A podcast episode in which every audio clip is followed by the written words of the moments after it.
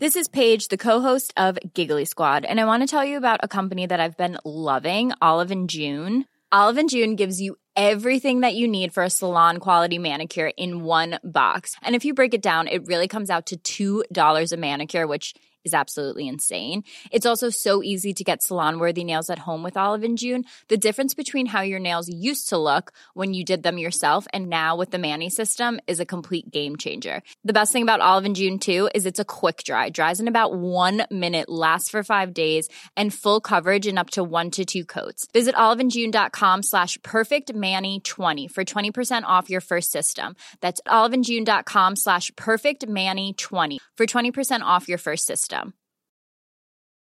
When you're ready to pop the question, the last thing you want to do is second guess the ring. At Bluenile.com, you can design a one of a kind ring with the ease and convenience of shopping online. Choose your diamond and setting. When you find the one, you'll get it delivered right to your door. Go to Bluenile.com and use promo code LISTEN to get $50 off your purchase of $500 or more. That's code LISTEN at Bluenile.com for $50 off your purchase. Bluenile.com code LISTEN. Hey, Dave. Yeah, Randy. Since we founded Bombus, we've always said our socks, underwear, and t shirts are super soft. Any new ideas? Maybe sublimely soft. Or disgustingly cozy? Wait, what? I got it. Bombus. Absurdly comfortable essentials for yourself And for those facing homelessness. because one purchased equals one donated. Wow, did we just write an ad? Yes. Bombas. Big comfort for everyone. Go to bombas.com slash ACAST and use code ACAST for 20% off your first purchase.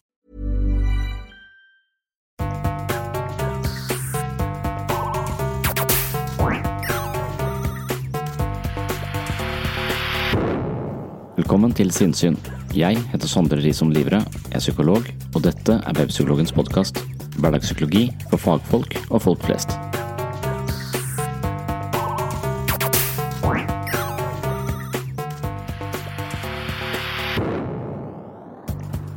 Velkommen til en ny episode av Sinnsyn.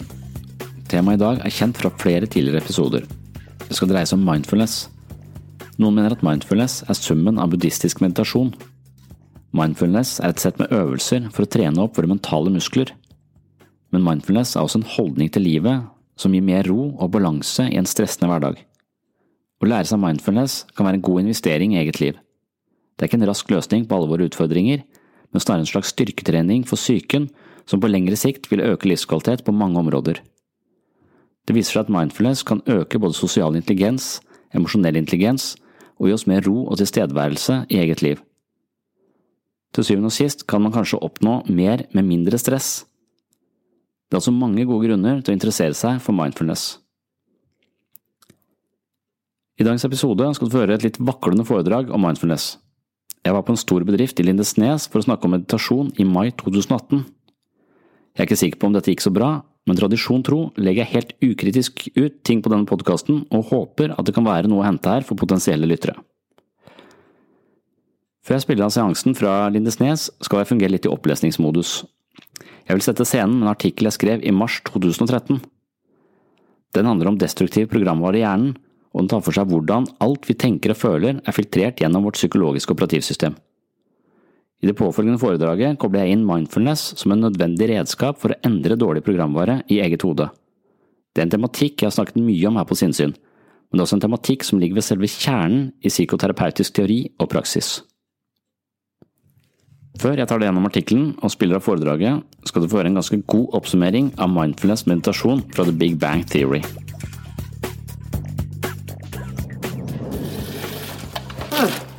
Reminds me of high school. You worked in a restaurant? No, I was in India. It was humid and smelled funny. All right, I think I'm getting into a groove here. This isn't so bad. Only five hours and 40 minutes to go. We've only been doing this 20 minutes? You know, I read that washing dishes can be an excellent form of meditation. The key is that while washing the dishes, one should only be washing the dishes. Just because you have that accent doesn't mean what you say isn't stupid. No, seriously, it's about being present in the moment, uh, focusing on the feeling of the warm water, the smell of the detergent, the sound of the dishes squeaking, and following your own breath. It's about It's about simply being. Huh. okay. I'll try it.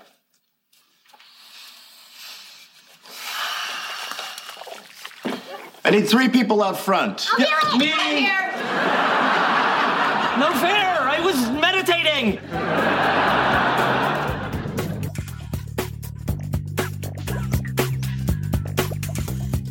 I dagens innledning skal du få møte Lars som forsøker å begå selvmord på feil grunnlag.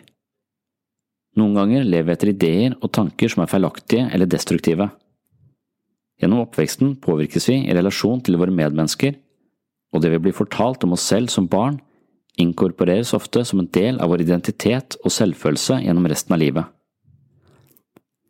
Hjernen er selve datamaskinen, mens det psykiske operativsystemet vi bruker for å orientere oss i tilværelsen, er noe som installeres i takt med våre erfaringer og våre nærmeste relasjoner. Omsorg, empati, ros og bekreftelser gir barnet som regel en solid programvare som fungerer godt i møte med verden, mens mye kjeft, kritikk, ignoranse, ydmykelse, mobbing og lignende kan installere svært negative tankemønstre, akkompagnert av destruktive følelser i barnets mentale datamaskin.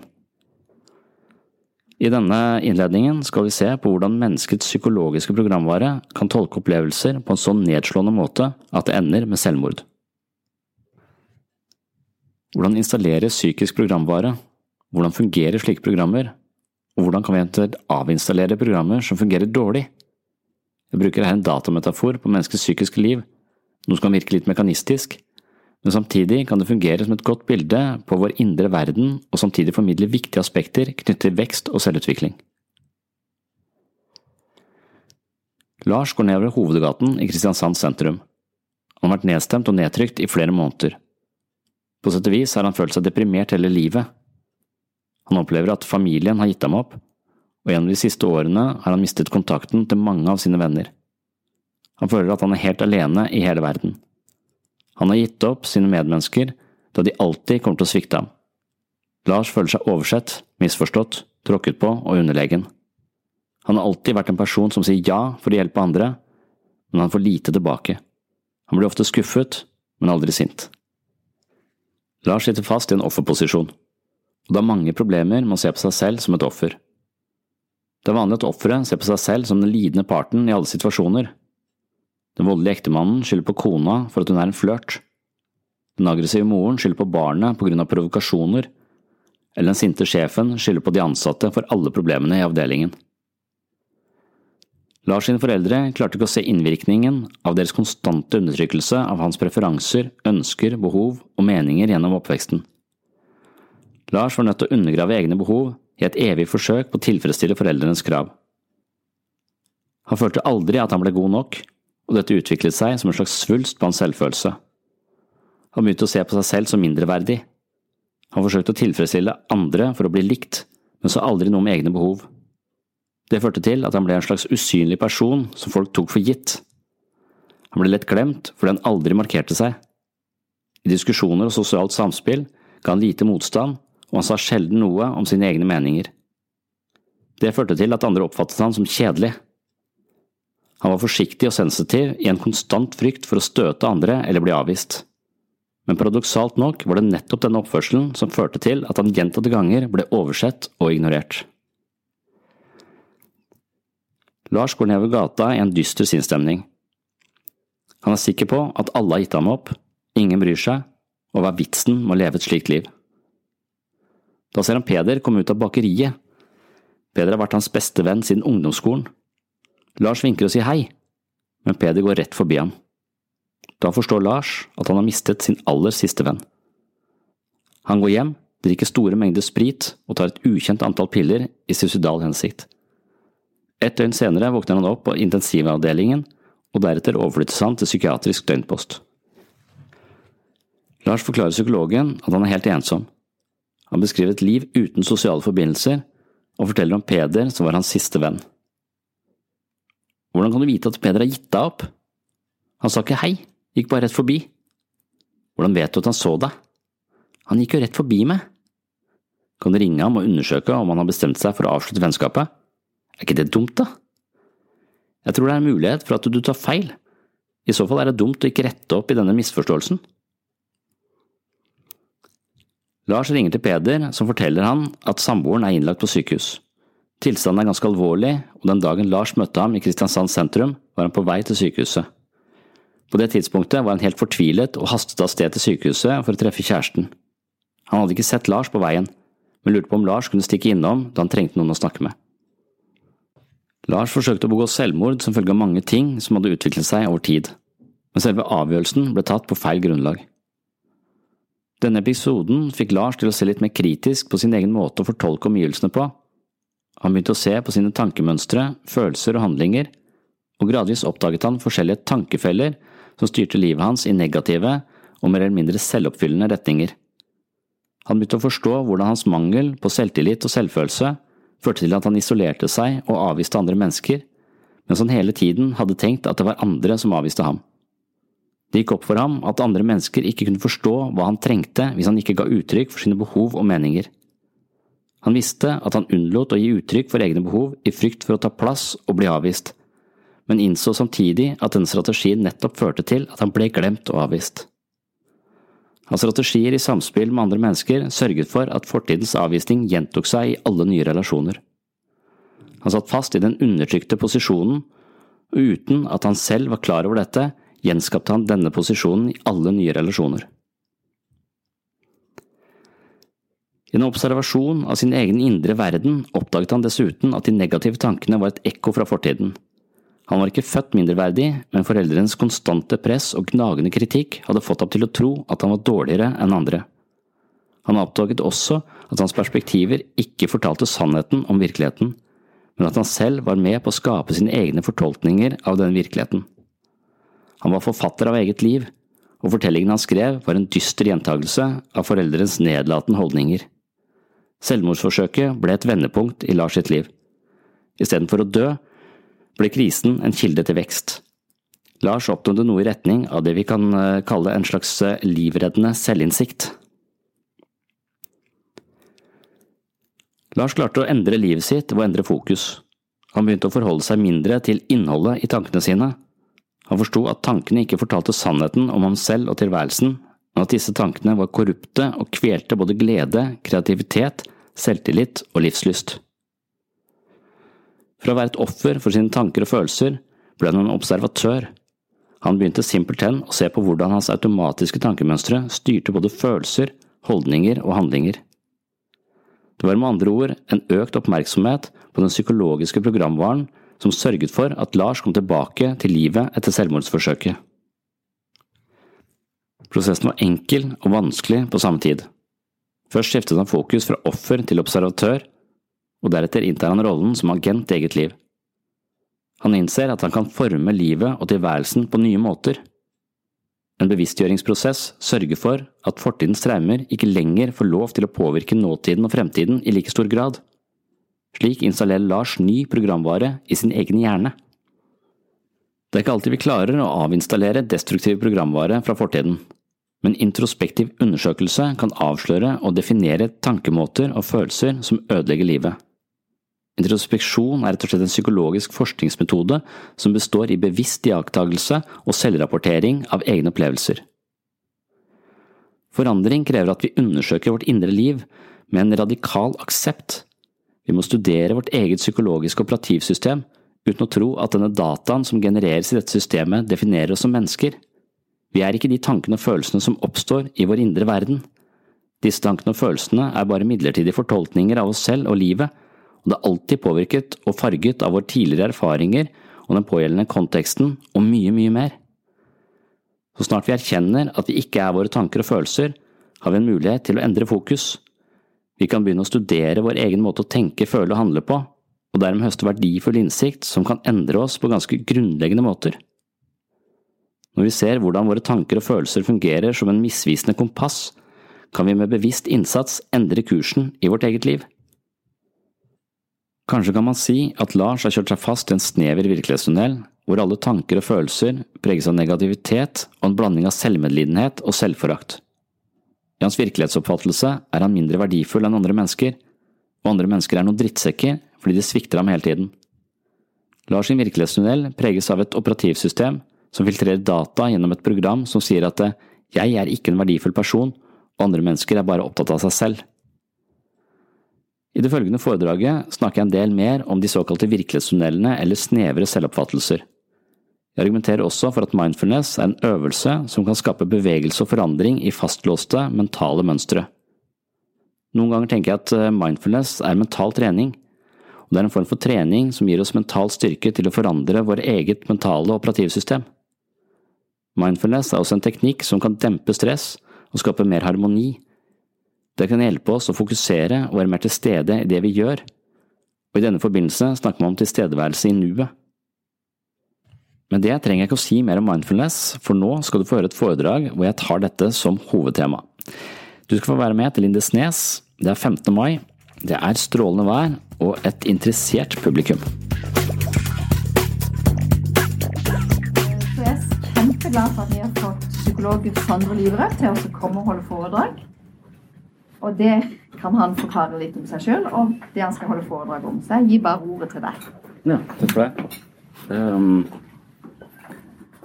ja, jeg jobber i Sørlandet sykehus på et DPS, et eh, distriktspsykiatrisk eh, senter, som heter Solvang. Så jobber jeg med gruppeterapi. Så jeg sitter i en eh, ring, skulle sitte der nå, med åtte mennesker. Vi sitter og stirrer på hverandre. Og så Og så har vi ikke noe tema, så det er ingen som egentlig veit hva de skal si, da. Så, så da blir vi bare sittende der og stirre på hverandre en god stund, helt til noen syns at det blir så pinlig at de bare må si noe. Uh, og så er vi i gang. Og det skal uh, kurere angst og depresjon.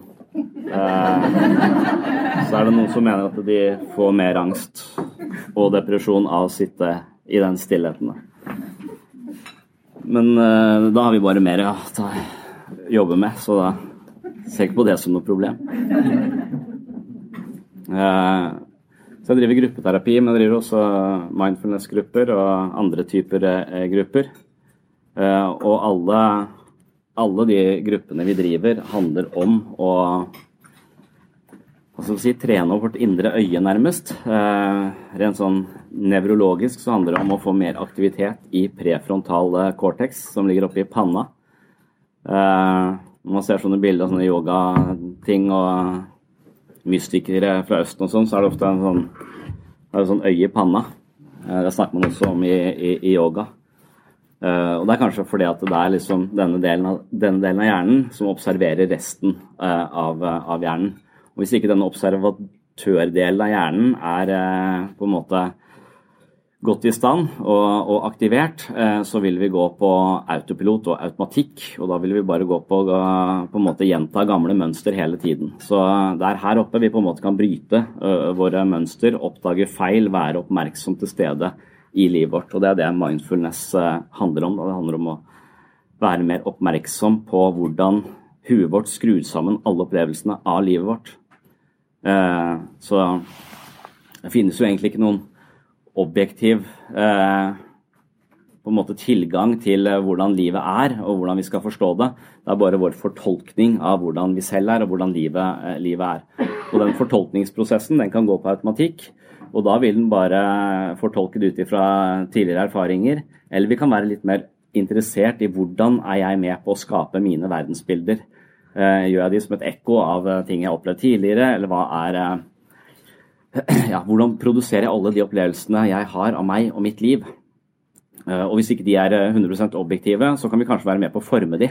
Litt sånn som en forfatter skriver en bok, på en måte, så kan han være med på å bestemme hvordan den boka skal eh, se ut, hva slags følelser skal, man skal få av å lese den osv. Og, og det er litt sånn man tenker i psykisk helse, at vi kan på en måte være litt mer medvirkende til hvordan vi opplever oss selv og, og livet ved å trene opp eh, denne delen av hjernen, denne pannedelen av hjernen. Um, så um, man kan si at det, um, huet vårt driver og produserer opplevelser. Og som jeg sier, de opplevelsene er ikke nødvendigvis uh, objektive. Og Et eksempel på det er Jeg har gjort utrolig mange studier i sosialpsykologi på hvordan, hvordan vi liksom bare lager adhoc teorier på hvordan ting henger sammen, og tror på dem. Vi tror på det vi tenker og føler. Og Det er vel kanskje den viktigste beskjeden til, eh, fra psykologer, er at du må aldri tro på tankene eller følelsene dine. De er alltid eh, til en viss grad korrupte og eh, til, en, til en viss grad ja, farga av tidligere erfaringer, ting du har blitt fortalt som ikke nødvendigvis er sant, så, så ta det med en klype salt, alt du tenker og føler. Ikke tro 100 eh, på det, men likevel så tror vi, tror vi på det. Og det er veldig mange studier i sosialpsykologien som avslører hvordan vi lager fortellinger om oss selv som ikke nødvendigvis henger helt på greip. Og Et sånt studie som ble gjort nå i det siste, er en, en som heter David Pizarro, eh, som, eh, som, studerer følelsen av vemmelse, eh, disgust. Og Vemmelse er en sånn følelse hvor du rynker litt på nesa og syns at noe, eh, noe, er ekkelt. Eh, og Hypotesen er at eh, de som har mye vemmelse, eller de som vemmes lett, de er mer, politisk sett mer konservative. Mens de som ikke har så mye følelse av vemmelse, de er mer liberale, rent sånn politisk sett. Man kan kanskje se på den følelsen av vemmelse. Altså, vemmelse er noe vi, vi syns er ekkelt, vi trekker oss unna. Og man kan se for seg at når vi bodde på hvert vårt kontinent og ikke hadde noe kontakt med andre uh, mennesker eller dyr fra andre kontinenter, og vi kom plutselig over der Columbus eller uh, Leif Eriksen eller hvem det var, så, så, vil det også møte nye ting som vi ikke kjenner til. Da vil vemmelse være kanskje en smart følelse, for da trekker vi oss litt unna. For her kan det være sykdommer og greier vi ikke er, har noe immunforsvar mot. Så vemmelse har en eh, sånn evolusjonær komponent i seg som sørger for overlevelse. Men i dag er kanskje vemmelse også den følelsen som ligger bak fremmedfrykt. Eh, på en måte, og Den er ikke nødvendigvis den er i oss sånn evolusjonært sett, men det er ikke sikkert at den er så hensiktsmessig lenger. Da. Det er ikke nødvendigvis så skummelt å treffe noen fra andre kulturer, for vi, har, vi er såpass multikulturelle at vi får ikke noen sykdommer nødvendigvis som ikke uh, har noe medisin mot eller immunforsvar mot fra før. da. Men ideen er i hvert fall til vemmelse, eh, mye vemmelse. Da, mer, eh, da, er du mer konservativt anlagt. Eh, og da vil han teste dette her da, i, et, eh, i et eksperiment. og da, da putta han eh, en hel haug av, folk eh, inn i et rom som lukta blomster. Og så fikk han tid til å svare på hundrevis av spørsmål som angår det politiske klimaet dette var i, i USA. da. Så svarer de masse. Det lukter blomster i, rommet, og så får de en sånn, kommer de ut sånn på en skala sånn rent politisk sett. Og så Noen måneder senere så tar han tester den samme gruppa. Eh, eh, bare i eh, og Det er så mange spørsmål, de kan ikke huske helt hva de har svart. Så han tar den samme gruppa en del måneder seinere, putter de inn i et, eh, det, det, samme rommet, men denne gangen lukter det søppel i rommet.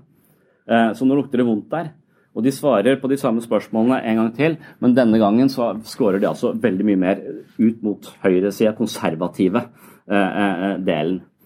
Og da, da, da, spør, og da, blir de intervjuet etterpå. Hva var det som skjedde? For noen måneder siden så var du ganske liberal på dette her. Nå svarer du ganske mye mer konservativt. Hva har skjedd?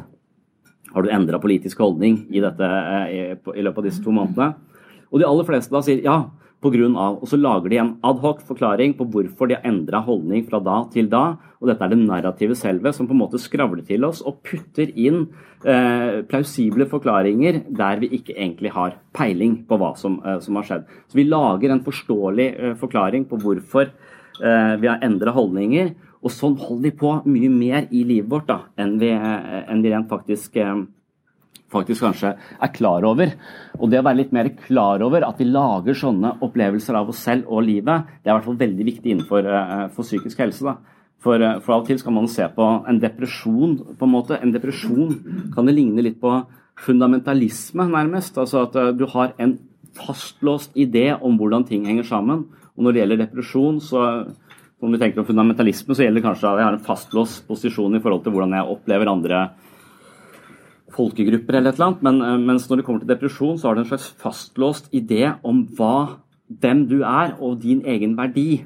Uh, og, og, denne verdien den har du som en del av din identitet. Og hvis den er negativt eller litt negativt lada, så har du et negativt syn på deg selv. Uh, og ergo også en negativ følelse uh, for deg selv. Så du er litt fundamentalist da, i eget liv. Man kan av og til se på det, depresjon som en slags ja, fundamentalisme overfor seg selv.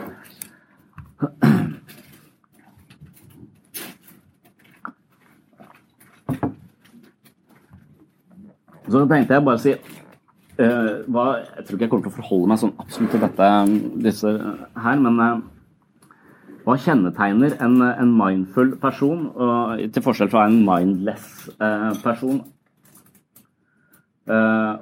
og ja, evnen til å skape nye kategorier. Når vi er mindless, eh, så, så, går vi bare på autopilot. Eh, vi bare eh, gjør det som faller oss inn, så vi slipper å tenke så mye over det. Og det er bra. Og Metastudier antyder at opp mot 95% av alt vi foretar oss i løpet av dagen, er initiert av ubevisste prosesser vi ikke er klar over. Så vi går altså på, på, på auto, autopilot. Uh, og det er bra, for da fungerer vi ganske effektivt. Uh, og, men det også er også da viktig at disse autopilotene er uh, gode. da. Har vi dårlige autopiloter, så har vi en tendens til å gå inn i de samme mønstrene hele tiden og begå de samme feilene gang etter gang. Møte de samme typen menneskene, møte de samme typen partnere, komme i de samme konfliktene, gå i de samme kranglene. Gjentar disse mønstrene uten egentlig å legge merke til det, for det er autopiloten vår. Uh, og, og, det å på en måte komme ut av den autopiloten, det handler om å være mindful. Det handler om å være oppmerksom på det som foregår inni oss selv i møte med andre, fra det ene øyeblikket til, uh, til, det andre. Og det å klare å være oppmerksom på seg selv i møte med andre, og oppmerksom på måten vi tenker på, måten vi lager konklusjoner på osv. underveis i et møte, det er denne prefrontal cortex, det er denne muskelen oppi hjernen som da må aktiveres. Og den muskelen den er litt sånn som andre muskler i, i kroppen den er nødt til å trenes ganske aktivt for å fungere bra. Eh, så det er derfor at mindfulness er ingen quick fix. Liksom. Mindfulness er en øvelse hvor du skal hvile som en observatør til det som foregår inni huet ditt fra det ene øyeblikket til det andre, eller det som foregår i kroppen din, eller det som foregår av lyder. Bare det som dukker opp i bevisstheten din på en måte, fra det ene øyeblikket til det andre. Du skal hvile som en observatør og ikke dømme dette. Du skal bare hvile som en observatør. Og den observatørrollen det er altså da, Idet du klarer å være en observatør til deg selv, så vil du også aktivere denne delen av, eh, av, av hjernen, og den vil da styrkes. Det er litt som å trene vekter.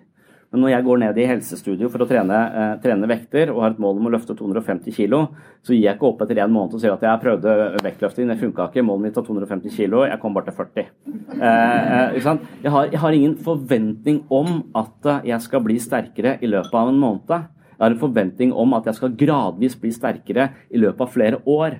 Og det er litt den samme holdningen vi må ha til mental helse. Men vi har ikke noe særlig kultur for det. Altså, Vi har ikke noe særlig idé om at ja, eh, sinnet vårt trenger også å trenes. Eh, eh, for, for hvis ikke så ja, akkurat som kroppen. Vi vet at kroppen må trenes. Kroppen blir sterkere, vi blir sunnere. Vi kan spises ut. Det er mye vi kan gjøre med kroppen. Det er sånn allmennakseptert at det å trene er bra. Eh, mens, eh, mens, vi har ikke nødvendigvis så mye forståelse for at vi også trenger, trenger en slags mentalt treningsstudio. Da, hvor vi aktiverer deler av hjernen som er bra for oss og kan hjelpe oss å holde en slags mental likevekt gjennom livet vårt. Uh, og Det er litt av det som kanskje psykologien dreier seg om. Og Det som jeg gjør til daglig, er å på en måte legge til rette for et slags mentalt treningsstudio, hvor vi trener prefrontal cortex i ulike øvelser. Og En av de øvelsene er da mindfulness. Og mindfulness er kanskje også den den som forskningen viser er mest effektiv da, til å trene denne, eh, denne muskelen.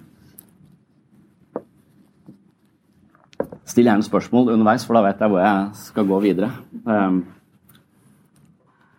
Det er lett å forstå, vanskelig å forstå. Mm. Selvsagt, kanskje. Eh. nei. Så um, så det handler egentlig om eh, altså, Piaget, som kommer på et, eh, nytt bilde, han, han, er opptatt av, eh, av hvordan mennesker, eh, menneskers si, mentale liv utvikles. Da. Han er en sånn utviklingspsykolog.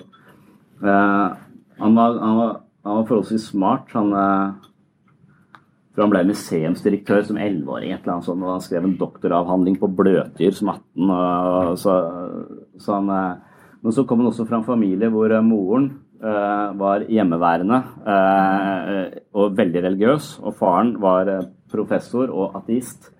Så han, det var nok litt spent klima hjemme hos han. Og det var i hvert fall en del motstridende ideer, da.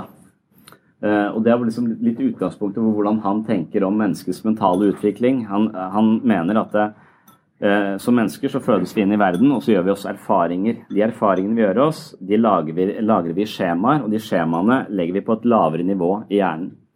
Um, man kan nesten se på det som at nå har jeg en datter på halvannet år. da, Hun, hun driver og stabber rundt. Hun har, lært seg å gå, men Men hun må konsentrere seg ganske mye. Gå er ikke, er ikke, helt, eh, er ikke helt fortrolig med det ennå, så hun må tenke seg veldig om og se, skal over dit og skal holde seg der borte. Så hun lager en plan, liksom. Eh, det trenger ikke jeg å gjøre, for jeg kan gå og snakke i mobiltelefon samtidig. Jeg trenger ikke å konsentrere meg så mye om, om gåinga mi. Den har blitt ganske automatisk. Og, og, det er sånn vi tenker om disse skjemaene, er at først så er de litt vaklete. Vi etablerer skjemaene, og etter hvert så får vi en motorikk f.eks. når det gjelder det å gå, som vi bare legger på et lavere nivå i hjernen, så vi tenker ikke over at vi går engang. Sammen med sykling. Når vi lærer oss å sykle, så blir det lagt på et lavere nivå i hjernen, og vi bare sykler uten å tenke oss om. Hvis du da begynner å tenke deg om at nå sykler jeg, nå må jeg holde balansen, så er det større sjanse for at du velter. For da tar du det samme skjemaet opp, og du blir litt mer sånn øh, vaklete øh, i det. Men Piaget tenkte at sånn vil også på en måte hodet vårt fungere litt. Da. At vi lager mentale eh, skjemaer i møte med verden. Og, og disse skjemaene vil f.eks. Vi, vi koder verden som bra eller dårlig, god eller uh, ond, skremmende eller uh, gøy. Så, så, disse skjemaene vil da uh, installeres i oss og legges på et lavere nivå. Og Neste gang vi kommer i en situasjon som ligner, så dukker dette skjemaet opp av automatikk, sånn at vi slipper å vurdere situasjonen på nytt. Uh, og, og da, vil, da, kaller vi det en følelse. Dette er følelsen vi får i møte med noe. Det er et skjema som dukker opp hvor vi allerede har koda uh, situasjonen uh, på et tidligere tidspunkt i livet. og vi, vi, Den dukker nå bare opp som en følelse. Vi husker ikke lenger den der, utgangspunkt for den vurderingen vi har gjort av den situasjonen, men vi bare føler noe for det. Og Hvis du da har møtt en, et loddent dyr på fire bein som har glefsa til deg som fireåring, så kan du risikere å lage et skjema som sier at hunder Eh, eller lodne dyr på fire bein er livsfarlig, hold deg unna. Eh, og da vil du også senere i livet, når det dukker opp, møte menneskets beste venn, på en måte, så vil kroppen din reagere med en følelse av frykt.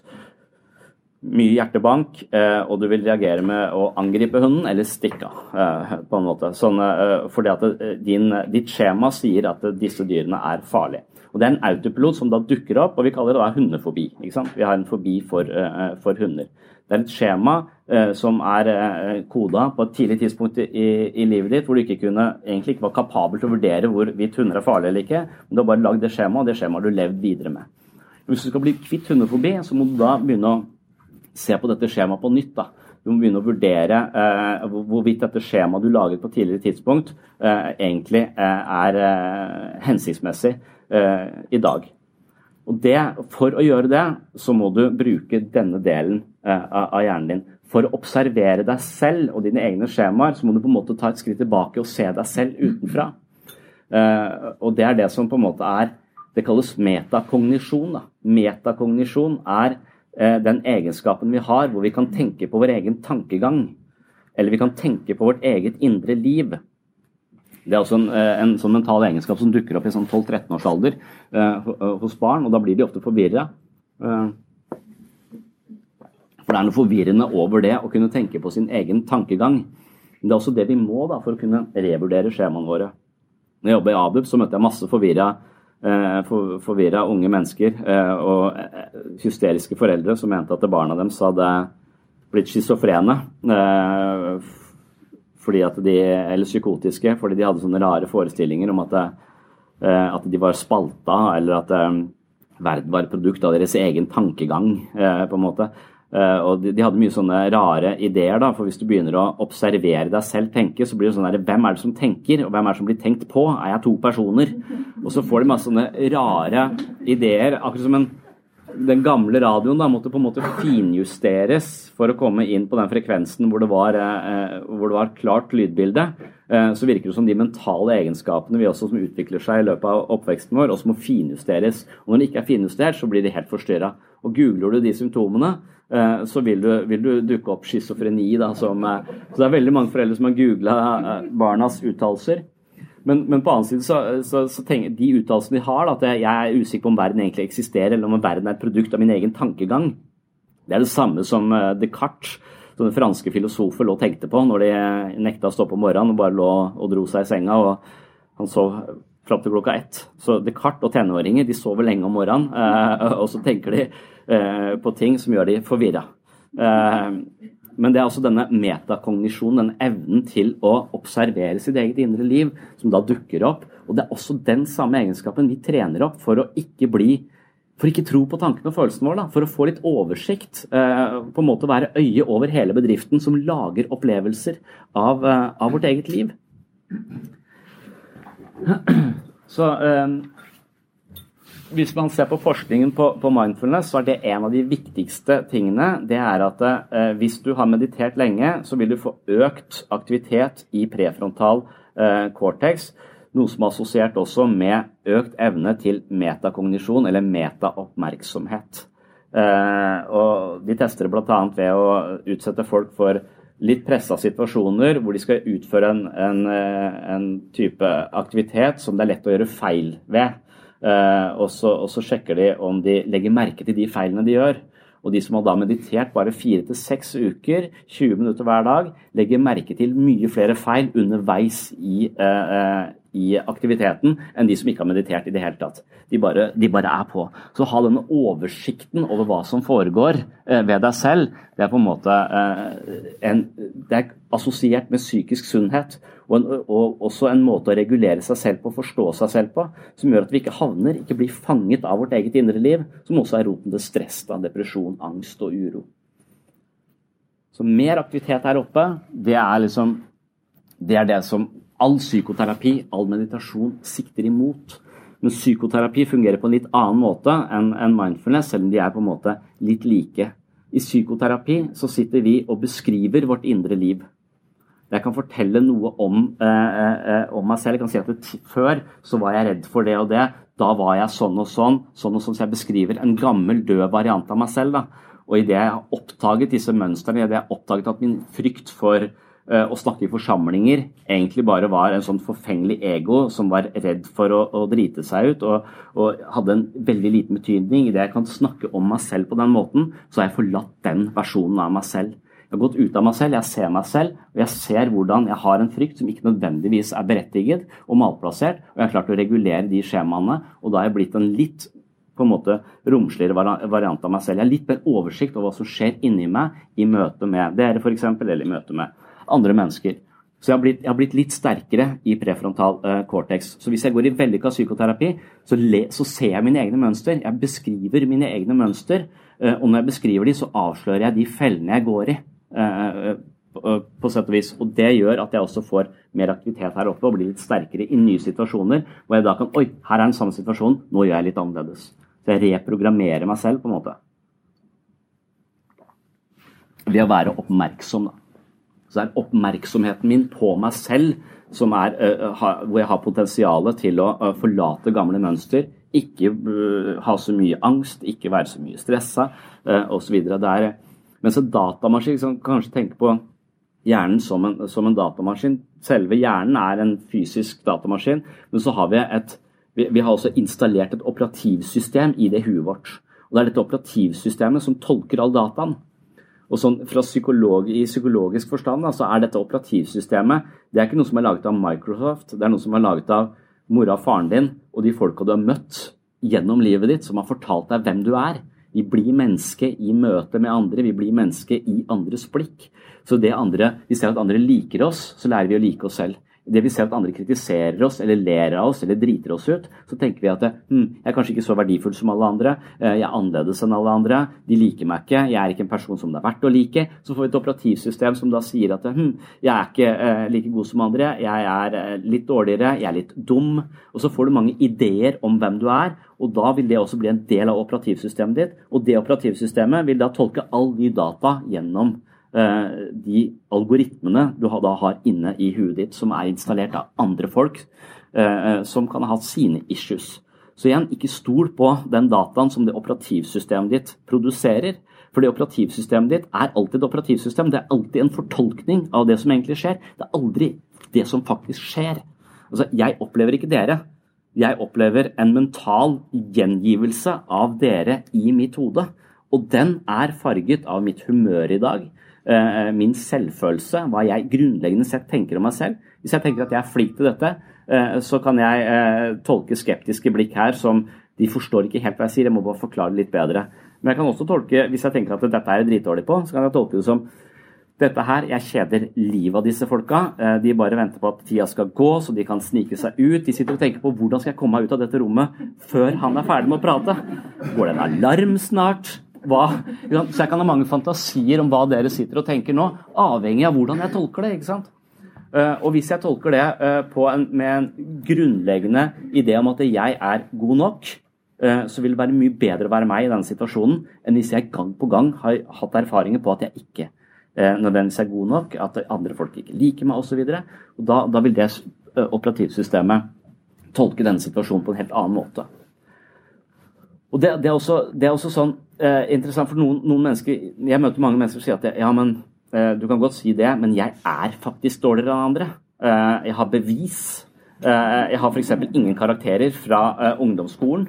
Eh, så, så, så de, har, de, kan dokumentere at de er dummere og dårligere enn en andre, andre, mennesker. Så da samler jeg inn all dokumentasjonen for, for, for, å se om de da har, har rett.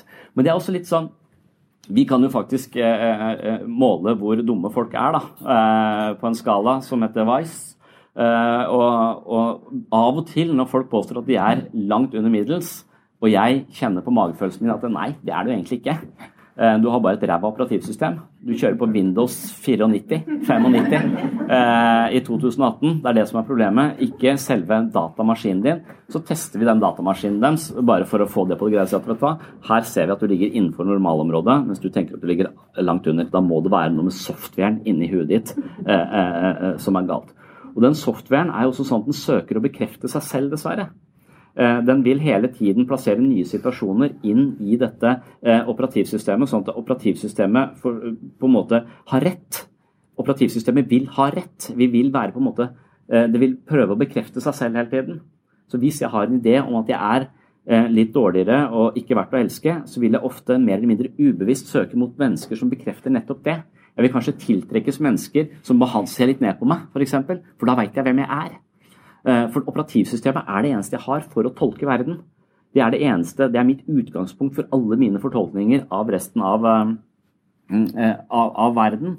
Og, og, hvis det viser seg å være feiltolkninger hele tiden, så er jo det, da lever jeg jo Matrix, på en måte. Da er jo hele livet en drøm.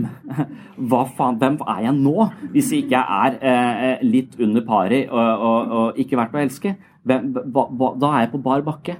Så operativsystemet er det vi har, det er utgangspunktet for vår identitet. Og uansett om den er negativ eller positiv, så vil vi på en måte tviholde på den. Vi vil helst ikke forandre den. Vi vil bare søke å få bekreftelser på det vi tenker om oss selv er sant. For da veit jeg hvem jeg er, og da kan jeg planlegge fremover. Det er en viss forutsigbarhet i det.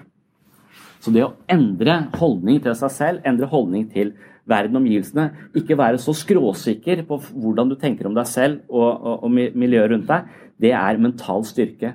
Og det er også det mindfulness kan hjelpe oss med. Det kan hjelpe oss til å forstå at alt det vi tenker og føler, ikke nødvendigvis er en sannhet, men en mental konstruksjon som ofte er et ekko av alle de tingene vi har opplevd fram til det punktet hvor vi nå fortolker verden på nytt og på nytt og på nytt. Og på nytt.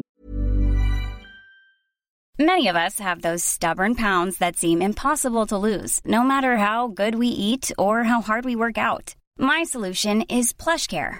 PlushCare is a leading telehealth provider with doctors who are there for you day and night to partner with you in your weight loss journey. They can prescribe FDA-approved weight loss medications like Wagovi and Zepbound for those who qualify. Plus, they accept most insurance plans. To get started, visit plushcare.com slash weight loss. That's plushcare.com slash weight loss.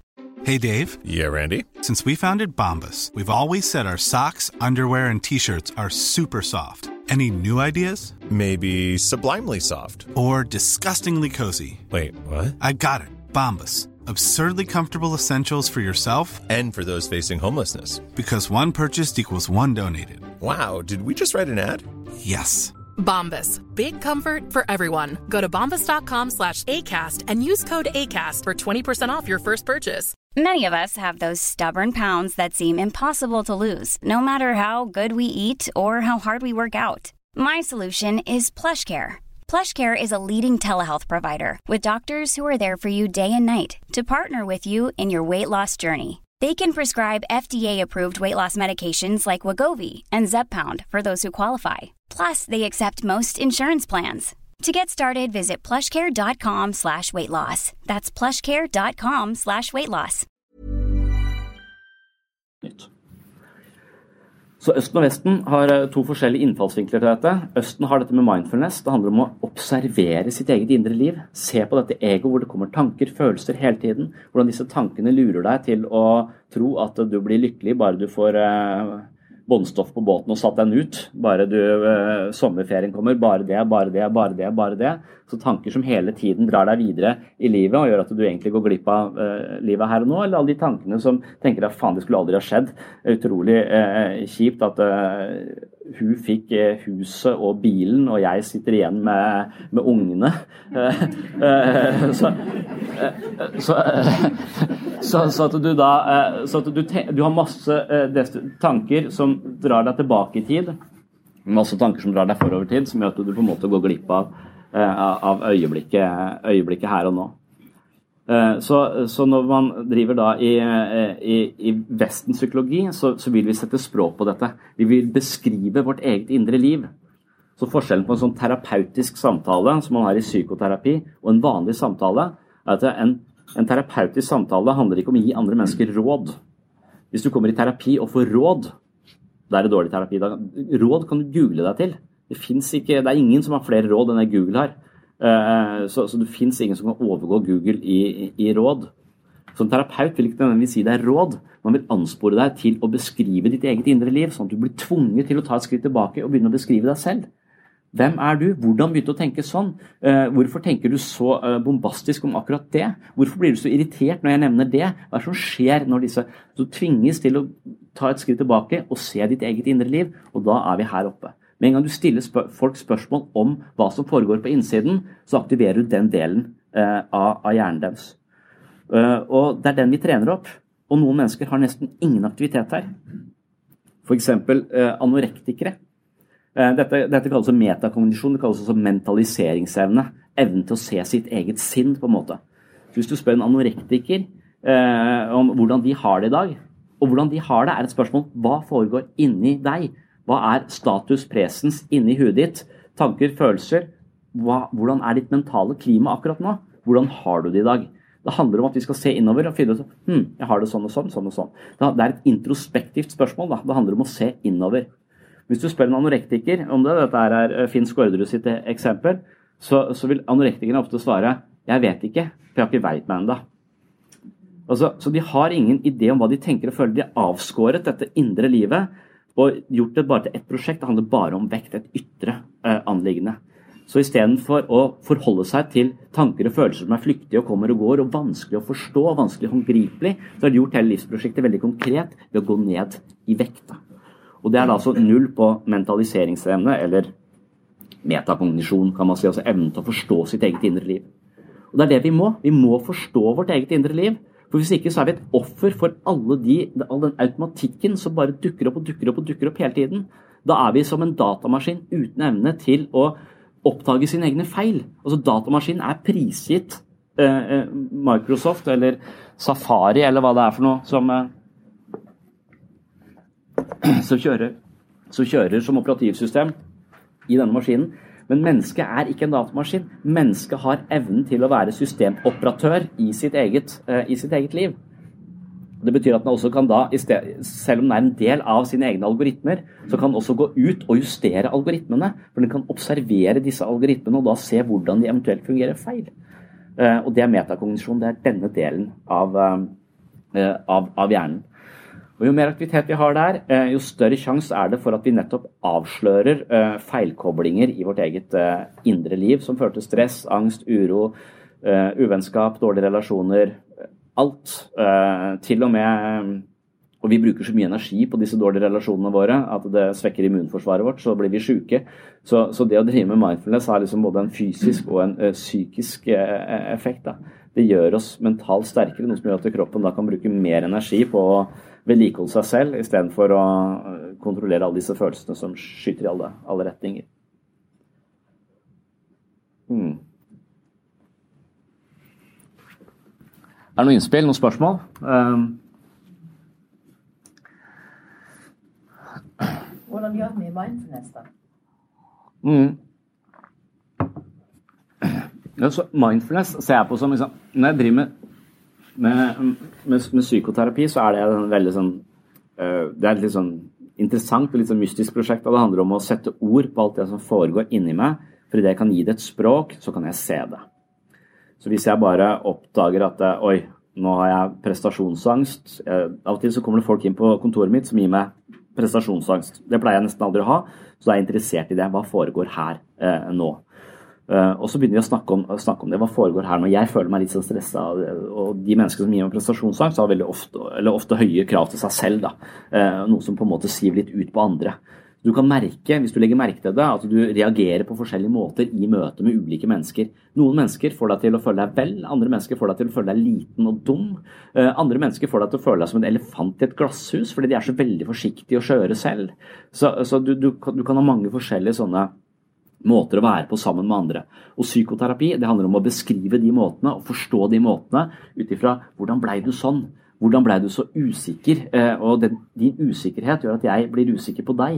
Eh, du sier unnskyld hele tiden. Jeg vet ikke, Hvis du sier unnskyld hele tiden, hva er egentlig standard for hva vi kan si til hverandre her? Må vi, være, må vi ta i hverandre med silkehansker? I så fall så blir jeg dritstressa, for da skulle jeg sikkert sagt unnskyld for 200 ting jeg har sagt tidligere til deg. Eh, jeg må beklage alt sammen nå. Det blir stress hvis vi ikke kan, kan være være oss selv. Da. Og når vi ikke kan være oss selv, så kan vi tematisere det, vi kan forstå det, vi kan gi det et språk. Og idet vi ser det, uh, idet vi klarer å forstå det, så kan vi også på en måte gjøre noe med det. det alt det vi kan se, det kan vi gjøre noe med. Det kan vi strippe for muligheten å styre livet og relasjonene våre eh, senere. Det handler om å uh, sette mer språk på det som foregår inni oss og mellom oss. Det er psykoterapiens vesen. Det er det den vanlige psykolog, sånn som meg, driver med hver dag.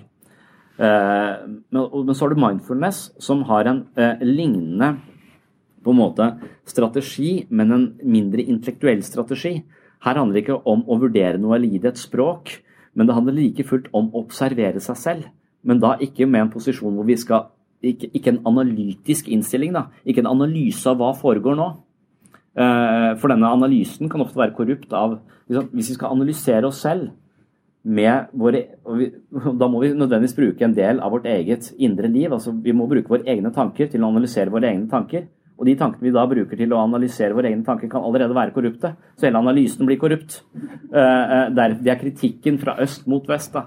Psykoterapiprosjektet kan kjøre seg sjøl inn i en blindgate fordi at vi bruker allerede korrupte tanker og følelser til å analysere andre korrupte tanker og følelser, så det blir sånn nullsumspill, på en måte. Mens, eh, mens, mindfulness er da et mye mer ambisiøst prosjekt. på en måte. Det handler om å hvile som en observatør til eh, eh, sitt indre liv og la tanker komme, la tanker gå, og betrakte tanker og følelser som nettopp tanker og følelser. Altså Ikke noe som skal få lov til å definere deg, men, men noe som du ser kommer, noe som dukker opp i bevisstheten din. Eh, og det vil komme, og det vil gå. Det vil komme, og det vil gå.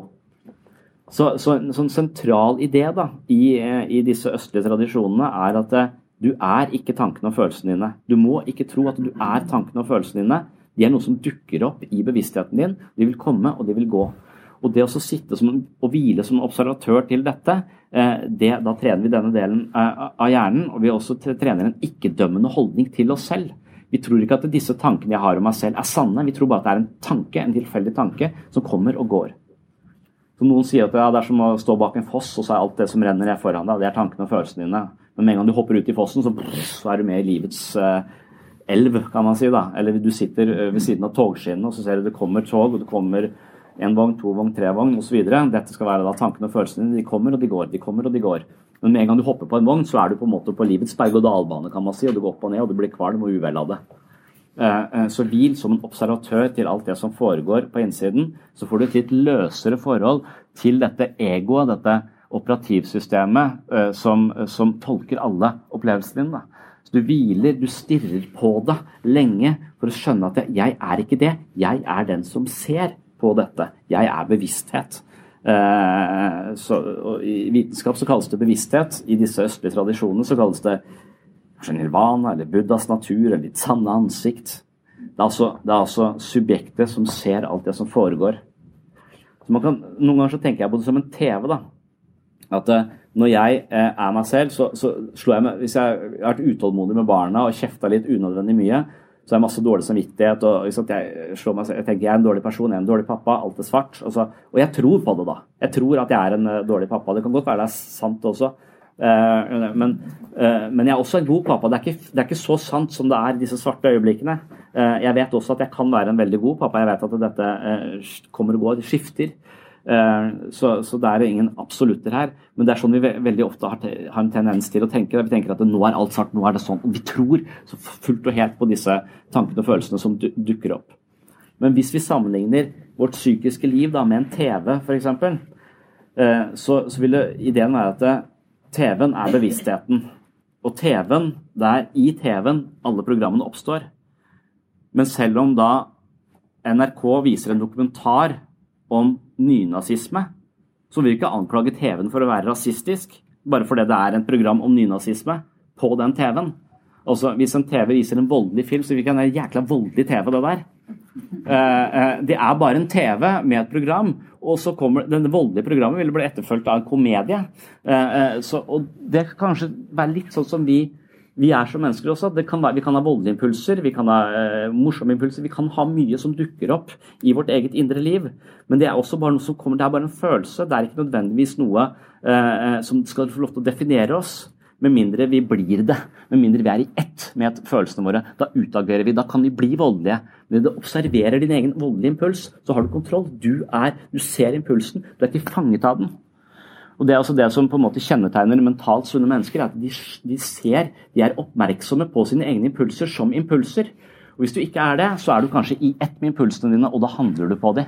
Du er i ett med tankene dine, og du tenker at du er en dårlig person. Eller du tenker at du er en mislykka person, en mislykka pappa. Alle de, de, de tingene eh, vi har. Og Vi skal ikke si at det, jeg kan ikke si at jeg ikke er en mislykka pappa. Jeg er til en viss grad en mislykka pappa på veldig mange eh, eh, områder, men jeg er også mye annet. Så jeg, jeg, får ikke et så fundamentalistisk forhold til min egen rolle som pappa. Jeg får et løsere forhold til det, og da er det også lettere å gjøre noe med det, for jeg kan se det. Jeg kan oppdage de situasjonene hvor jeg er i ferd med å bli den dårlige pappaen, eh, i større grad, fordi jeg ikke er fanget av det. Men hvis jeg slår meg sjøl i hjel og bare nei og nei, jeg er helt ræva, så er jeg fanget av mitt eget operativsystem, og jeg klarer ikke å reprogrammere meg selv. Så selvhat etter sånne situasjoner som du ikke er stolt av, de vil bare forsterke og sannsynliggjøre at du gjør det samme feil igjen. Så evnen til å observere seg selv, hvile som denne observatøren, det trener vi rent konkret på i mindfulness. Det er en, det er en aktivering av denne delen av, uh, av, av hjernen. Mm. Og det foregår ofte på den måten at man bare sitter helt stille og, og bli guida av en som sier at du skal eh, kjenne etter at du puster. Eh, og så kaller de det pusteankeret. Eh, og du skal bare følge eh, pusten idet den går inn munnen og ned i lungene og, og opp igjen. Uh, og du skal bare legge merke til, til, det hele tiden. Du skal bare legge merke til, Ikke prøve å puste på en spesiell måte, bare legge merke til at du puster. Prøv å holde oppmerksomheten din, uh, din der sånn. Og så vil du etter hvert, etter ca. 2 12 sekunder, oppdage at du tenker på noe annet. Eh, eh, og, og, det er jo Du skal jo ikke tenke, så da, da eh, Og det er mange som sier at ah, jeg, eh, jeg, får det ikke til, for jeg bare begynner å tenke med en gang. Så, men i det du er Da har du fått det til, for du har vært da Du var oppmerksom på at du begynte å tenke. Eh, og, og, det tenker jeg på som nærmest å løfte en gang på vektstanga, da. Uh, altså Idet jeg sitter og observerer min egen pust, så klarte jeg først to sekunder, og så klarte jeg kanskje fire sekunder uh, tre uker seinere, og så klarte jeg kanskje, kanskje jeg klarer uh, Kanskje jeg klarer 30 sekunder i dag, jeg vet ikke. Um, men, men, men, i hvert fall så, så, vil tankene mine begynne å vandre på hva jeg skal til middag eller og, og sånn. Og, men da legger jeg bare merke til Oi, der var de. Og så prøver jeg på en måte å guide disse, denne oppmerksomheten min tilbake til pusten her og nå. Og idet jeg tar tanken, i det jeg på en måte ser meg selv begynne å galoppere på tanker og planlegge og være aktivt til stede i dette eh, i meg selv istedenfor å være en observatør, så, så gjør jeg notis av det. Jeg ser det, og jeg prøver å guide på en måte oppmerksomheten min tilbake til her og nå. Og jeg tenker på det som én gang på vektstanga. Uh, og jeg syns ikke det er spesielt gøy å løfte den vektstanga. Og jeg syns heller ikke det er spesielt gøy å guide min egen oppmerksomhet tilbake til her og nå, altså til pusteankeret, uh, som de kaller det. Men det er den formelle øvelsen. Men jeg har det, jeg har det litt med mindfulness som jeg har det med, med fysisk trening. Uh, jeg hater det litt, på en måte. jeg, jeg gjør det. Jeg, jeg mediterer for å bli en mer tålmodig pappa og en mer oppmerksom pappa. Så istedenfor å tenke på hva som skjer der framme hele tiden, og hvordan jeg skal få de i seng, og hvordan det der, så prøver jeg å være til stede for barna mine når jeg, når jeg er der. Det, og det har jeg vært dårlig på. Så jeg mediterer for å være mer til stede i livet mitt. eh, Og jeg eh, trener fysisk for ikke dø for tidlig. Jeg er veldig redd for å dø. eh, Så, og jeg vil helst ikke dø for tidlig. Jeg vil helst leve så lenge som mulig. Og da har jeg sett at det, eller jeg har hørt at det å trene kan være med å bidra. Da. Spise sunt og trene bidrar i den retningen. Mens Ingvar Wilhelmsen sier vel at den treninga jeg gjør, den får jeg bare tilbake når jeg er dement og, på gamlehjem, så det er egentlig helt uhensiktsmessig. Men, men det argumentet kan du på en måte kontre med at idet du er fysisk aktiv, så aktiveres hjernen din uh, på en måte som er veldig psykologisk sunt uh, uh, for deg også. Altså evnen til å skape mening og interesse i eget liv. Et eget senter i hjernen handler om iver og interesse og å være utadvendt og trygg nok på seg selv til å være nysgjerrig. Altså Den delen av hjernen den er, kjører på endorfiner og en del andre sånne nevrokjemikalier som utløses når vi trener. Så det organet som kanskje påvirkes mest da når vi trener fysisk, er egentlig, eh, egentlig hjernen.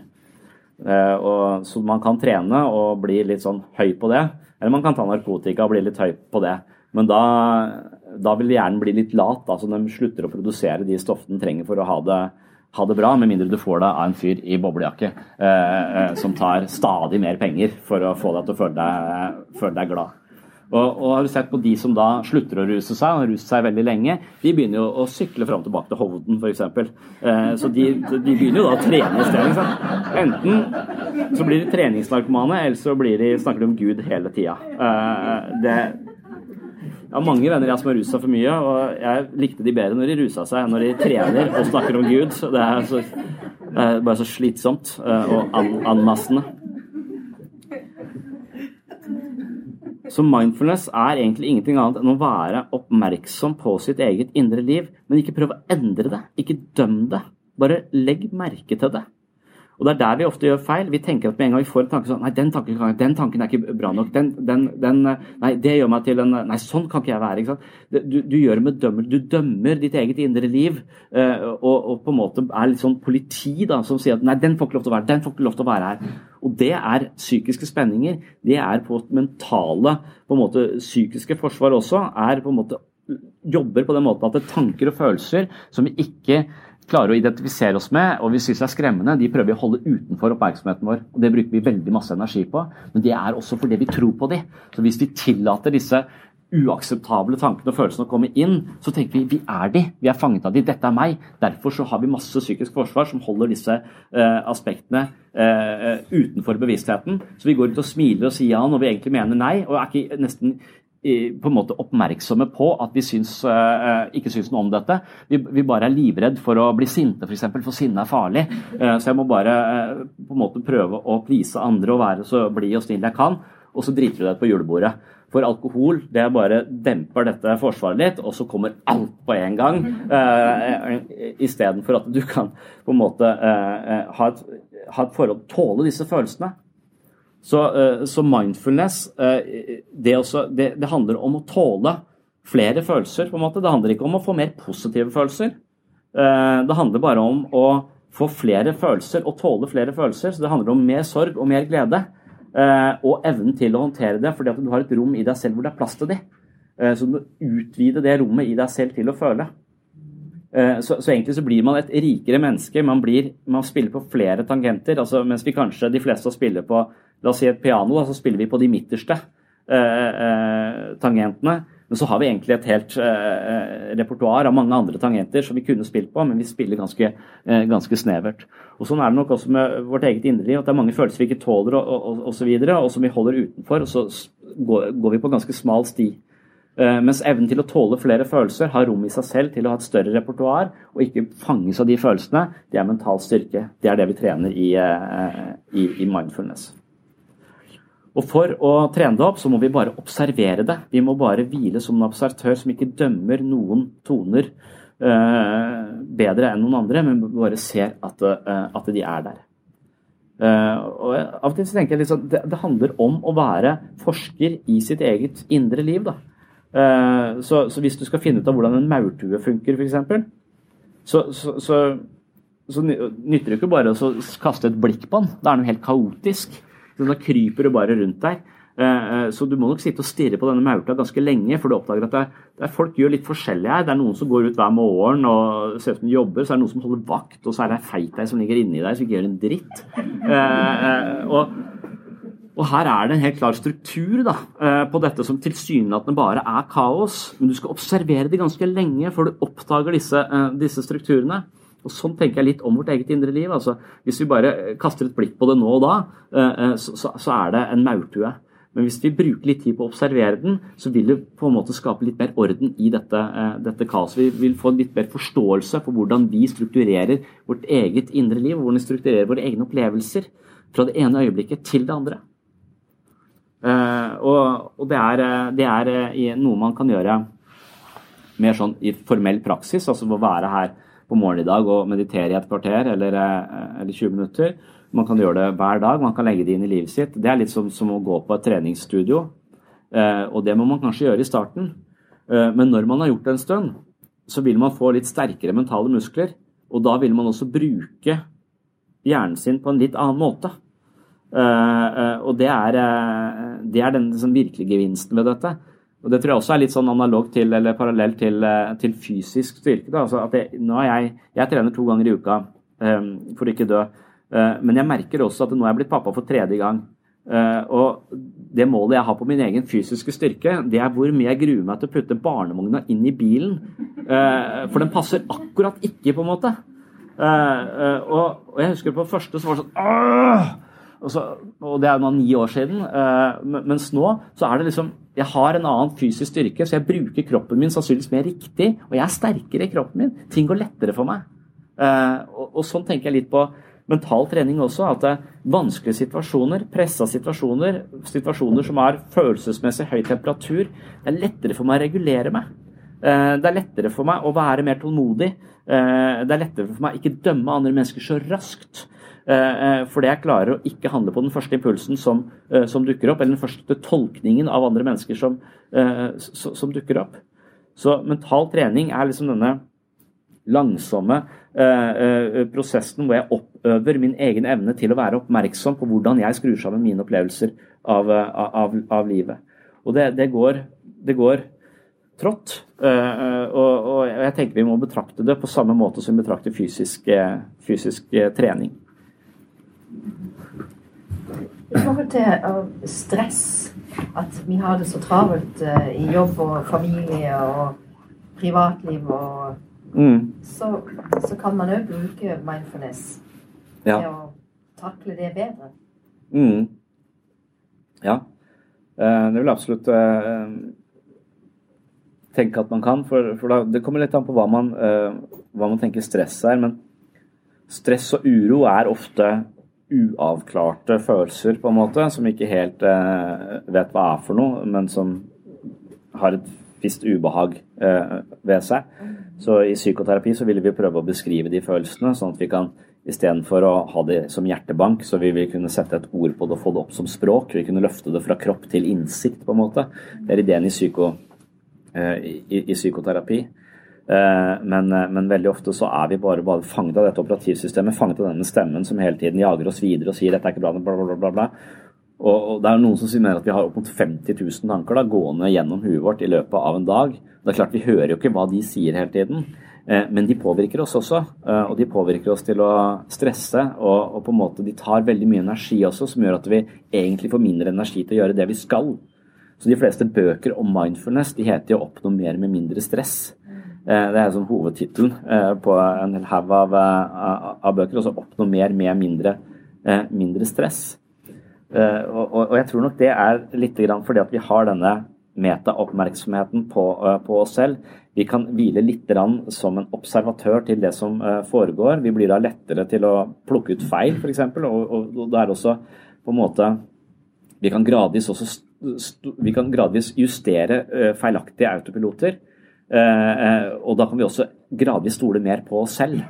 Eh, så, så, dette Du får en høyere grad av selvfølelse og selvtillit ved å oppdage at egoet ditt er en mental konstruksjon, og den ideen du har om at du ikke er god nok, og, og, og sånn, det er ofte en idé du har fra noen som har fortalt deg det, og som du på en måte lever ut nærmest også. Og, og ved å oppdage disse små tingene, så kan du på en måte legge litt mindre vekt på det egoet. da. Det å like seg andre, det å få andres berømmelse, det å få ting til, det å rekke ting på uh, ja, Prestere best, konkurrere osv. Alle disse tingene som på en måte binder oss til livets kjas og mas, blir litt, uh, blir litt uh, mindre viktige, på en måte.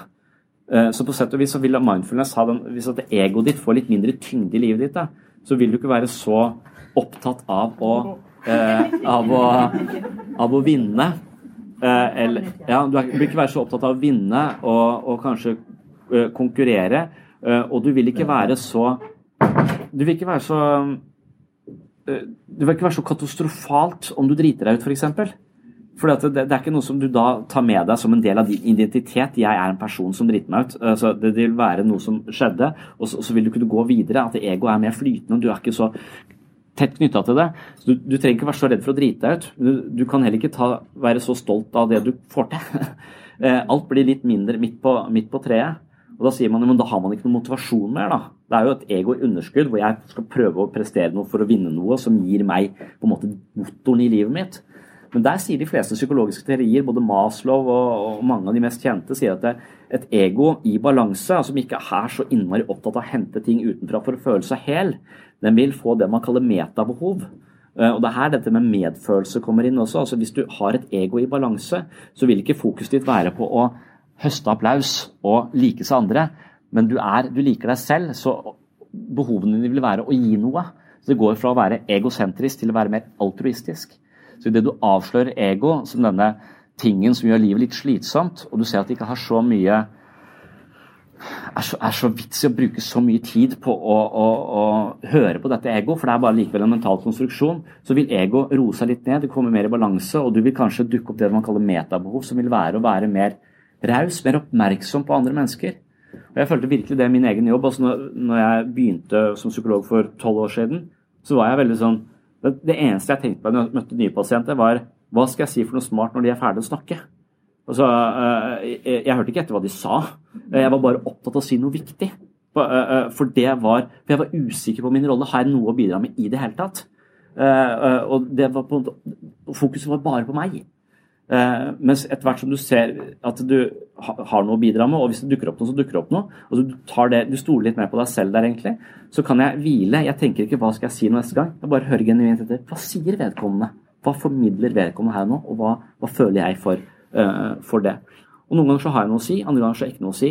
Uh, men jeg stresser ikke med det. Uh, så det demper, demper stress veldig. altså Du blir på en måte tryggere på deg selv. Så det er én faktor ved det. Og så tror jeg også det er en annen, annen, annen faktor, altså, eller kanskje det er den samme faktoren, men denne skravlete stemmen som hele tiden pisker oss litt i en eller annen retning. Dette, denne mentale stemmen som gjør vurderinger og dømmer oss og livet hele tiden. Eh, det kan også virke veldig forstyrrende. Eh, og der er det der dame, en dame som heter Sally A.D., som er eh, journalist for var det New Scientist, som fikk lov til å prøve en sånn hjelm de har utvikla i det amerikanske forsvaret. Og Det syns jeg var en interessant greie. for at det, I det amerikanske forsvaret, en sånn base i Ohio, så har de laget en sånn transkranial hjelm eller et eller annet som, som på en måte de mener skal kunne Eh, eh, dempe dette narrativet selve, dette selve som hele tiden skravler og forteller oss hvem vi er. Det som lager historien om livet vårt. Eh, det som på en måte er fortellingen om mitt liv og, og gir meg min selvforståelse nå, og som hele tiden sier ja, men du får aldri til dette, det er typisk deg å drite liksom, Den stemmen der som ikke nødvendigvis hører, men som likevel er der. Og Det er også sagt at 50 000 stemmer er mye, men det er også noe som sier at fire av fem av de er negative for veldig mange av oss. Eh, så, så, vi har en del negativ skvaldring inni huet vårt, og det forstyrrer vår evne til å konsentrere oss og være oppslukt i det vi skal holde på med. Da. Eh, så når du putter hun der Sally AD inn i denne simulatoren som de har i Ohio, som er ganske, ganske sånn eh, ja, det, det, amerikanske forsvaret de er jo opptatt av å drepe IS-soldater. Det er jo pri 1. Så, så, denne simulatoren er ganske sånn reelt eh, rom med, hvor, hvor, du har på deg sånn, sånn, virtuelt rom hvor det kommer masse IS-soldater mot deg, og du skal da skyte dem. Så mange du klarer. Dette er den krigssimulatoren de har.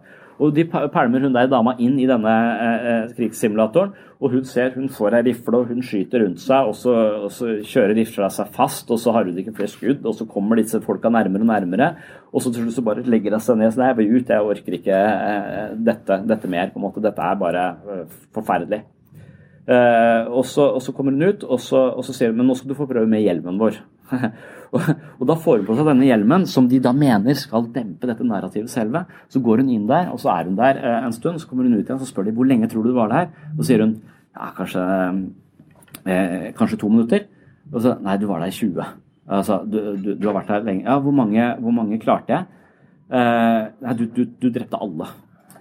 Eh, Så, så plutselig så ble hun en sånn der eh, elitesoldat med denne, denne hjelmen. Og det kan være at dette er litt sånn uh, Dette er hennes gjenfortelling av det i New Scientist. Og det er ikke sikkert det fungerer så, uh, så konkret, men ideen er som hun sa at jeg er ikke noe interessert i å drepe folk, selvfølgelig. Det er ikke min, min greie. Men jeg har, etter jeg kom ut, tok av meg den hjelmen, så er jeg bare det eneste jeg ønsket, er å få den hjelmen på igjen. For det har aldri vært så stille inni hodet mitt. Det var som det var sånn stillhet som senka seg. Det var ikke denne selvkritiske stemmen som hele tiden plaprer til meg. Den var plutselig borte. Så jeg kunne gjøre akkurat det jeg skulle.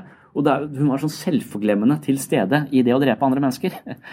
Og, og det er man kanskje ikke så eh, opptatt av, men det å ha f.eks. sosialangst, da, å gå nedover en gate hvor du er sånn kjempeopptatt av at hvem ser på meg, og hvordan altså, du får sånn flaue armer og ikke vet hvor du skal gjøre av de og sånn. Den hjelmen vil kanskje da dempe den derre 'alle ser på deg'-stemmen, som gjør at du kan bare gå med en annen grad av uh, tilstedeværelse bare gjennom. Så, så, så det er også et eksempel på hvordan og, og det er det samme vi tilstreber i mindfulness. da, Hvile som en observatør. Ikke være fanget av den stemmen, men hvile som denne observatøren. Få litt større avstand til den, sånn at den ikke har så stor innvirkning på livet vårt. Sånn at det blir litt mer stille inni huet. Eh, I hvert fall i forhold til disse kritiske og, og negative tingene som skaper stress. Mm. Mm. Mm. Er det spørsmål? Jeg sitter og tenker litt på alder. jeg. Du var jo borti ungdommer og eh, mange rare Ja. som foreldre kan tenke om ungdommene sine. Hvis en i det hele tatt skulle klare å få deg til å være på en mindfulness-øvelse, Mhm. som det finnes veldig mange tider, Ja. eh, hvor unge kan det være? Ja, du har den Anbefales det, eller anbefales Ja. ikke å ta med ungdommer på mindfulness? Jeg tror det anbefales, men det er vanskelig. Jeg tror det er vanskelig for dere til å begynne å meditere òg. Eh, som, som gruppe. Eh, eh, så jeg prøver å få alle mine pasienter til å gjøre det. Det er ikke så veldig mange man lykkes med. For det er litt vanskelig å beskrive prosjektet. Det er veldig lett at mange tror de gjør feil, ikke får det til. Og det er veldig mange som egentlig bare sitter og tenker med øynene igjen. da. Så det, det, der, er- det er ganske radikalt, det er forskjellen fra å tenke en tanke og observere en tanke bli tenkt. Det er en, det er en, er en, en liten operasjon, men likevel en ganske stor operasjon. Da. Eh, Så, så det krever, krever trening, men kanskje det, det viktigste er å på en eller annen måte få det inn hos, eh, hos unge, unge mennesker. For det handler jo om å ha på en måte eierskap til sin egen oppmerksomhet, kunne styre og være oppmerksom til stede i livet eh, vårt. Og som det har blitt nå, så, jo ikke, så eier jo ikke barna oppmerksomheten sin lenger. Det er Apple som eier deres oppmerksomhet, og det er de som bestemmer hvor de skal se. Altså Et moderne menneske sjekker telefonen sin 150 ganger eh, eh, i, i, i døgnet, og de har spill som på en måte bare fengsler oss. ikke sant? Så vi er ikke, vi er egentlig, vi er vi har ingen kontroll på vår egen oppmerksomhet. Vi er slaver av alle disse appene eh, som bare stjeler oppmerksomheten vår. Og, og da blir vi Det liksom det man assosierer med et depressivt liv også. Det er et vandrende sinn som bare på en måte vandrer, vandrer rundt og blir fanget av lys som blinker, istedenfor å evne å på en måte hvile i sin være herre over sin egen oppmerksomhet. Og kunne konsentrere seg dypt og inderlig inderlig noe. Så, så bare ha dybde, altså bare lese en hel bok istedenfor bare lese Twitter-meldinger, eh, tror jeg evnen til å konsentrere seg og være til stede. Eh, så kanskje det gradvis er nødt til å bli en, en, noe vi involverer som en sånn naturlig praksis, akkurat som det å gå på helsestudio er naturlig eh, for oss. Så må vi også kanskje på en måte mentalt sett kultiveres inn eh, i å trene opp vårt eget sinn. I hvert fall i en tid hvor det er så mange aktører som tjener penger på å stjele oppmerksomheten vår og, og, og eie den. Men du kan bruke det. Skolen har brukt det. Mm. De bruker det i barneskolen. De har et eget eh, eh, eh, .b ja, program. Så Mm. i, i England er det mye mer utvikla, i USA er det mer, mer utvikla. Det begynner i Norge òg. Så der er lærere som bruker det i skolen. Så det er bare å kjøre på. Takk skal dere ha for det.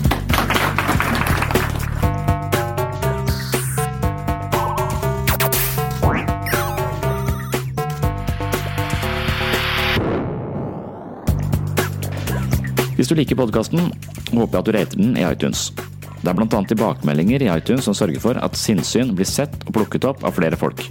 Målet vårt er å spre kunnskap og interesse for menneskets indre liv i et filosofisk eller psykologisk perspektiv til så mange som mulig. Du kan hjelpe oss ved å anbefale podden til folk du kjenner, dele den i sosiale medier, eller gi den stjerner og kommentarer i iTunes. Alle monner drar, og tusen hjertelig takk til alle dere som allerede har gjort dette. Det varmer å lese de særdeles positive innspillene i kommentarfeltene på iTunes. Ellers nevner jeg til det kjedsommelige at jeg har tre bøker for salg på webpsykologen.no. To av bøkene handler om selvfølelse, selvbilde og perspektivet på selvutvikling, mens min nyeste bok, Psykologens journal, handler om de store spørsmålene i livet. Boken handler om mitt møte med religion. Jeg er ikke religiøs, men jeg liker å snakke med folk som mener noe annet enn meg selv. Jeg tror at meningsforskjeller kan ta oss dypere inn i vanskelige spørsmål. I Psykologens journal forsøker jeg å nærme meg døden, meningen med livet, fordeler og ulemper ved mytologi og religion, samt en rekke andre temaer som spiller på våre mest grunnleggende eksistensielle vilkår. Kjøper du bøkene fra webpsykologen.no, får du dem til best pris med gratis frakt og rask levering. Det var alt for i dag, og på gjenhør i neste episode.